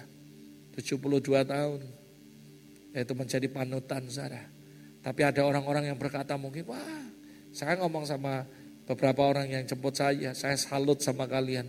Terutama generasi tuanya, saya angkat topi, saya bilang, ya tahu Pak Sunardi, saya bilang salah satunya, jalan aja sudah gini, saudara. Maaf ya, saya ini kalau nyetir sama dia, saya tuh greget, saudara. Gregetnya gini loh, Tuhan saya ini malu, saya masih muda. Saya bilang, Pak Sunardi, sini kuncinya, saya yang nyetir, duduk sebelah. Dia nggak kasih, saudara. Saya ngomong sama anak-anak yud saya, kalau yud dikit-dikit melayani ngodumel, yud datang ke Cirebon bertobat lu lihat. Saya bilang, saya lihat dengan mata kepala saya setiap kali saya datang dijemput oleh pasang suami istri yang sudah tua. Jalan aja saudara, mesti kita gandeng. Tapi dia melayani Tuhan. Saya bilang ini panutan. Kenapa dia bisa gini? Saya percaya karena dia lihat pemimpinnya. Karena bagaimana anak-anak itulah pemimpinnya Sarah. Saya simpel Sarah. Like father, like son. Kalau Anda melihat seseorang pemimpin, lihat anak buahnya, itulah pemimpinnya Sarah. Saya bilang saya salut sama orang-orang sini. Orang-orang tuanya setia-setia semua. Ada yang cuman bawa pentungan, kedekong, kedekong saudara. Mungkin saudara bilang main apa itu AI AI kurang kerjaan. No, saya kasih tahu, you do great job. Saya respect saudara. Saya percaya ketika dia gegar setannya kabur saudara. Ada amin saudara. Ketika dia gegar saudara terjadi mujizat saudara. Saya jangan bilang apa sih kayak gitu. Wah saya bilang itu orang-orang yang tidak mau menyanyiakan hidup mereka sekalipun sudah tua saudara. Mereka mau melayani Tuhan. Saya kasih tahu yang duduk-duduk ya. Kalau you cuma datang sini duduk-duduk nggak melayani malu sama ai saudara. Serius. Malu ya sama ai Apa pun orang minta Anda berjalan satu mil, jalan dua mil saudara. Mereka walaupun sudah tua, mereka melayani Tuhan dengan setia. Mereka cinta Tuhan. Saudara setiap kali saya datang sini, saya ngajar, tapi saya juga belajar saudara. Saya lihat wow excellent mereka, wah bagus sekali. Saya bilang saya salut Tuhan sama tempat ini. Karena saya percaya, karena pemimpinnya excellent saudara. Saya paling malu kalau Ibu Nani datang, paling takut-takutnya satu, WC saudara. Saya bilang, you tahu WC-nya Ibu Nani, yang jemaat bersihnya nggak karuan. Malu kamu. Kamu bilang ini taman Tuhan tapi WC jorok. Saya bilang, serius. Saya belajar saudara. Kamu bayangi kalau WC aja dia bisa rapiin apalagi yang lain saudara. Saya ini pengamat, saya setuju ibu bilang kita harus jadi pengamat. Ya saya ngamatin saudara. Dan saya belajar, saya tangkap apa yang baik. Saya bawa pulang, saya pelajari. Karena saya percaya tidak ada orang yang paling hebat. Di atas langit masih banyak langit dan kita harus belajar satu sama lain saudara. Saya datang ke sini, saya banyak sekali belajar. Beneran, mama saya ngomong, WC harus bersih, WC harus bersih. Iya saya bilang. Kenapa saudara? Saya belajar saudara. Ada amin saudara. Berapa banyak saudara yang percaya kalau kita disuruh orang tanggung jawab, kita akan lakukan lebih dari apa yang orang minta. Ada amin saudara. Kalau Anda lakukan itu, Anda sudah jauh lebih depan daripada orang lain saudara. Ada amin saudara. Break your limit saudara.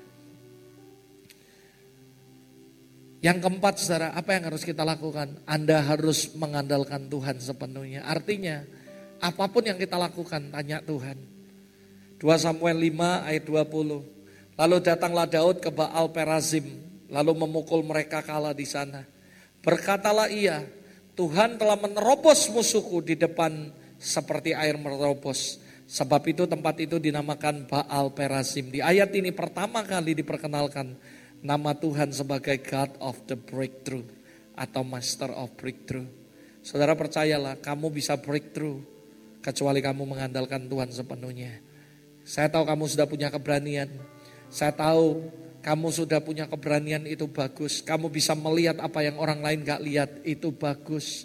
Kamu melakukan lebih dari orang yang ekspektasikan itu bagus. Tapi yang keempat ini yang terpenting dalam hidupmu. Kamu lakukan satu, dua, tiga semuanya dengan cara mengandalkan Tuhan satu-satunya. Maka kamu akan lihat breakthrough akan jadi dalam hidupmu. Ada amin Sarah. Come on break your limit. Mazmur 60 ayat 12. Dengan Allah kita akan lakukan perbuatan-perbuatan gagah perkasa. Sebab ia sendiri akan menginjak-injak para lawan kita. Yang percaya katakan amin keras-keras. Artinya hidup ini hanya merupakan kasih anugerah. Apa pun yang kita lakukan harus lakukan bersama-sama dengan dia. Karena tanpa Allah kita tidak bisa melakukannya. Filipi 4 alas ayat 13 Evander Holyfield selalu menulis ayat ini dia katakan segala perkara dapat kutanggung di dalam dia yang memberi kekuatan kepadaku. Saya percaya kalau Anda berkata I can break my limit. Kamu punya keberanian. Ada amin Sarah. Kamu bisa melihat apa yang orang lain gak lihat. Kamu bisa melakukan apa yang dari orang harapkan Sarah Tapi semuanya harus dilakukan dengan cara mengandalkan Tuhan. Maka saya percaya kalau Anda lakukan itu, you can break your limit. Yang percaya katakan amin. Kasih tahu kanan kirimu dengan kuat-kuat, you can break your limit. Amin saudara. Dengan cepat karena waktu saudara ada beberapa slide lagi. Saudara dikatakan, lalu apa yang menjadi batasan yang harus ditebus? Ditembus untuk menjadi orang Kristen yang menembus batas saudara. Dengan cepat yang pertama saudara catat batas pikiran saudara. Katakan sama-sama batas pikiran. Lebih kuat lagi batas pikiran. Anda udah tahu caranya, tapi saya kasih tahu juga ini yang menghalangi kita. Apa hal yang mesti kita tembus? Yang pertama, pikiran kita. Artinya manusia dapat melakukan apa aja yang dia pikirkan dan lakukan. Kalau pikirannya mengatakan bisa, maka sebesar itulah dia akan bisa, saudara. Which step you reach today? Saya mau nanya, saudara. Ada orang-orang yang duduk berkata, I don't want, I want to do, do, do it. I cannot do it. Lalu ada yang berkata, I want to do it. Ada orang berkata, How I do do it. Lalu orang berkata lagi, I will try to do it. Lalu yang berkata, I can do it. I will do it. Dan akhirnya, yes, I did it. Saya tidak tahu Anda ada di level di mana. Ketika roh kudus ngomong sama Anda, ketika firmannya, Anda berkata, aku nggak mau lakukan. Aku nggak bisa lakukan. Aku mau lakukan. Gimana caranya? Ayo aku coba-coba ah. Halo, aku mau coba deh. Hei ternyata aku bisa. Yes akhirnya aku bisa saudara. Saya nggak tahu Anda di level mana saudara. Tapi saya berdoa saudara kalau Anda mau lihat terobosan Anda harus lawan pikiranmu. Kamu harus menembus batas itu. Kamu harus berkata, I will try do it. I can do it. I will do it. Balik lagi. I try do it. I can do it. I will do it. I try do it. I can do it. I will do it. Lama-lama banyak duit. Ada amin saudara. I believe that. Kalau Anda berkata, I will try do it. I can do it. I will do it. Lama-lama pasti banyak duit, saudara. Ada amin, saudara. Come on. Saya nggak tahu Anda ada di mana posisi Anda. Tapi sama-sama belajar, saudara. Saya berdoa supaya Anda bisa naik ke step yang berikutnya. Amin, saudara. Ada tiga hal, saudara. Tiga pikiran yang harus waspada. Tiga ini nggak boleh ada dalam pikiran saudara. Yang pertama berkata tidak bisa. Mengatakan tidak bisa. Saya paling pantang ngomong nggak bisa, saudara. Dalam hidup saya, kamu saya, anak-anak buah saya, tahu semua anak-anak rohani saya, dia ada istilah nggak bisa. Memang nggak bisa, tapi kita cari jalan keluar supaya bisa. Ada amin, saudara. Karena kalau kamu ngomong nggak bisa, artinya kamu ngecilin diri kamu sendiri. Kalau kamu bilang nggak mungkin, itu lebih kurang ajar lagi karena kamu ngecili Tuhan. Karena bagi Tuhan tidak ada yang nggak mungkin. Amin, saudara. Kalau kamu berkata tidak mau, itu berarti kamu nutup kesempatan untuk kamu bisa mengembangkan diri. Tiga hal ini harus buang dari pikiran saudara. Gak boleh ngomong gak bisa. Saya tahu kita gak bisa, tapi bersama roh kudus kita bisa. Ada amin saudara. Jangan pernah ngomong gak bisa, jangan ngomong gak mungkin. Jangan ngomong tidak mau saudara. Tapi tiga hal ini harus kamu buang dalam kehidupan saudara. Yang kedua, batas zona nyaman. Ini yang harus ditembus zona nyaman. Ini merupakan batas yang sangat berbahaya. Karena bisa membuat seorang terbuai, terlena, dan tidak mau lagi berusaha untuk lebih maju. Mereka merasa cukup menikmati apa yang berhasil dicapai. Dikatakan, ah udahlah gua udah cukup, udahlah Tuhan sudah berkati, ngapain cari masalah. Sehingga saudara kenyamanan comfort zone membuat mereka nggak moving forward, membuat mereka nggak berkembang lebih lagi. Saya berdoa orang-orang Kristen, Tuhan nggak mau kamu stuck karena dia akan percayakan lebih dari apa yang Anda pikirkan. Anda harus moving forward, Anda harus terus naik dan tidak akan turun. Terus jadi kepala dan bukan ekor. Ada seorang yang berkata, saudara William G. Dan dia menulis sebuah kalimat yang bagus. Dia katakan, a safe is safe in harbor. But that not what ship are for.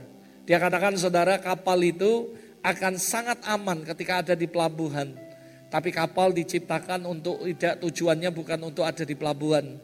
Berapa banyak seorang yang percaya seorang pelaut yang handal, yang hebat. Bukan cuma melaut, tapi bukan cuma nyebrang sungai. Tapi menyeberangi laut yang ganas. Setelah dia berhasil baru dibilang pelaut yang ganas, yang hebat, yang luar biasa. A safe, a safe saudara. Dengar baik-baik, kapal akan sangat aman ketika ada di pelabuhan. Tapi bukan itu tujuan kapal diciptakan. Kapal diciptakan untuk mengarungi lautan. Berapa banyak orang percaya Anda dan saya diciptakan bukan untuk melakukan yang hal yang biasa. Tapi Anda dan saya diciptakan untuk melakukan hal yang luar biasa bersama-sama dengan Tuhan. Ada amin, Sarah. Saya undang pemain musik batas yang ketiga yang harus kamu tembus adalah batas ekonomi. Artinya kaya miskin bukanlah penghalang untuk orang mencapai sukses. Contoh Daud orang miskin tapi akhirnya jadi raja. Abraham orang kaya sukses. Henry Ford dulunya seorang montir yang miskin yang yang akhirnya bisa menjadi pemilik perusahaan mobil Ford. Abraham Lincoln seorang pemotong rel kereta api akhirnya bisa menjadi presiden Amerika Serikat. Saya percaya batasan ini yang harus kita tembus. Ekonomi tidak menjadi penghalang untuk kita moving forward. Ekonomi tidak menjadi penghalang untuk kita mengalami break the limit. Tapi saya percaya batasan ini harus kita buang dalam hidup kita.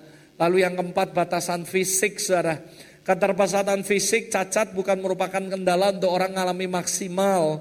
Yang penting ada tekad, ada kemauan. Yang penting tidak nyerah dalam keadaan dan terus berusaha untuk mencapai cita-cita. Ada seorang saudara yang cacat, saudara Anda semua udah tahu orang ini saudara. Ngalami sesuatu yang gak enak dalam hidupnya. Tapi dia adalah seorang motivator eh, luar biasa dunia memotivasi banyak sekali orang dan menulis sebuah buku Life Without Limits, saudara.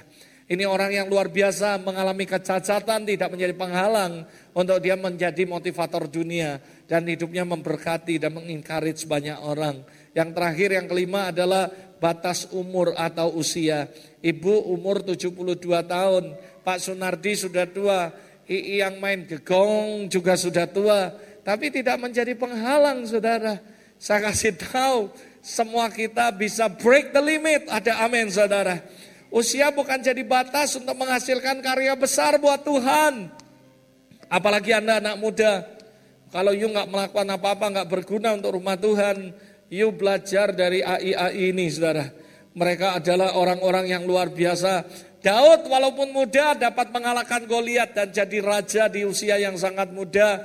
Musa umur 82 80 tahun tapi memimpin bangsa Israel keluar dari Mesir walaupun tidak nyampe. Tapi dia adalah pemimpin yang luar biasa. Kolonel Sanders, umur 66 tahun, memulai KFC, Kentucky Fried Chicken yang hari ini menjadi waralaba dunia yang begitu profitable. Dimulai dari usia yang tua. Kaleb saudara, umur 85 tahun. Dan masih sama kuat seperti 40 tahun saudara. Apa yang terjadi dia katakan Yosua 14 ayat 10. Jadi sekarang sesungguhnya Tuhan telah melihara hidupku seperti yang dijanjikannya. Kini sudah 45 tahun lamanya sejak diucapkan firman itu kepada Musa. Dan selama itu orang Israel mengembara di padang gurun. Jadi sekarang telah berumur 85 tahun aku hari ini. Tapi aku masih sama kuat. Saya berdoa lima tahun lagi kalau Tuhan Yesus belum datang, Tuhan Yesus datang, Tiba-tiba sebelum datang, Tuhan Yesus mau dengar satu kali bunyi, tung, tiba-tiba datang Zara. Ada amin Zara. Aku tetap masih sama kuat. Saudara ada anak muda yang masih muda udah stroke, udah jalan gini. Saudara tapi ada orang-orang tua yang masih melayani begitu kuat. Saya bilang saya salut sama ibu 72 tahun terbang ke mana-mana. Orang biasa terbang jet lag. Saya kalau masalah penerbangan jauh kalah saudara. Saya nggak suka terbang, dia terbang sana, terbang sini, terbang sana, terbang sini. Hari ini ada di sini, besok ada di sini, ada di sini. Saya bilang 72 tahun loh. Biasa 72 tahun orang pensiun, nenek-nenek mau ketemu cucu, ngayomi cucu. Tapi mereka masih melayani Tuhan. Karena saya percaya batasan umur tidak menjadi batasan untuk kita break the limit. Dan saya percaya you can break the limit. Yang percaya katakan amin saudara. Tiga hal, that's matter now. Three things, tiga hal yang penting harus diperhatikan sekarang. Yang pertama, jangan menunggu keadaan sempurna baru mulai. Yang setuju katakan amin. Yang kedua, buatlah dengan apa yang kita miliki atau apa yang ada pada kita. Yang ketiga, kerjakan apa yang kita lakukan semaksimal mungkin. Yang mau katakan amin, saudara. Yang mau katakan amin. Saya berdoa supaya Anda dan saya mengerti berapa banyak saudara yang percaya dan berkata, Today, tonight, I wanna break my limit. Katakan amin, saudara. Ayo kasih tepuk tangan yang meriah buat Tuhan. Lebih meriah lagi untuk Tuhan Yesus. Haleluya. Mari kita tundukkan pala sama-sama di hadapan Tuhan.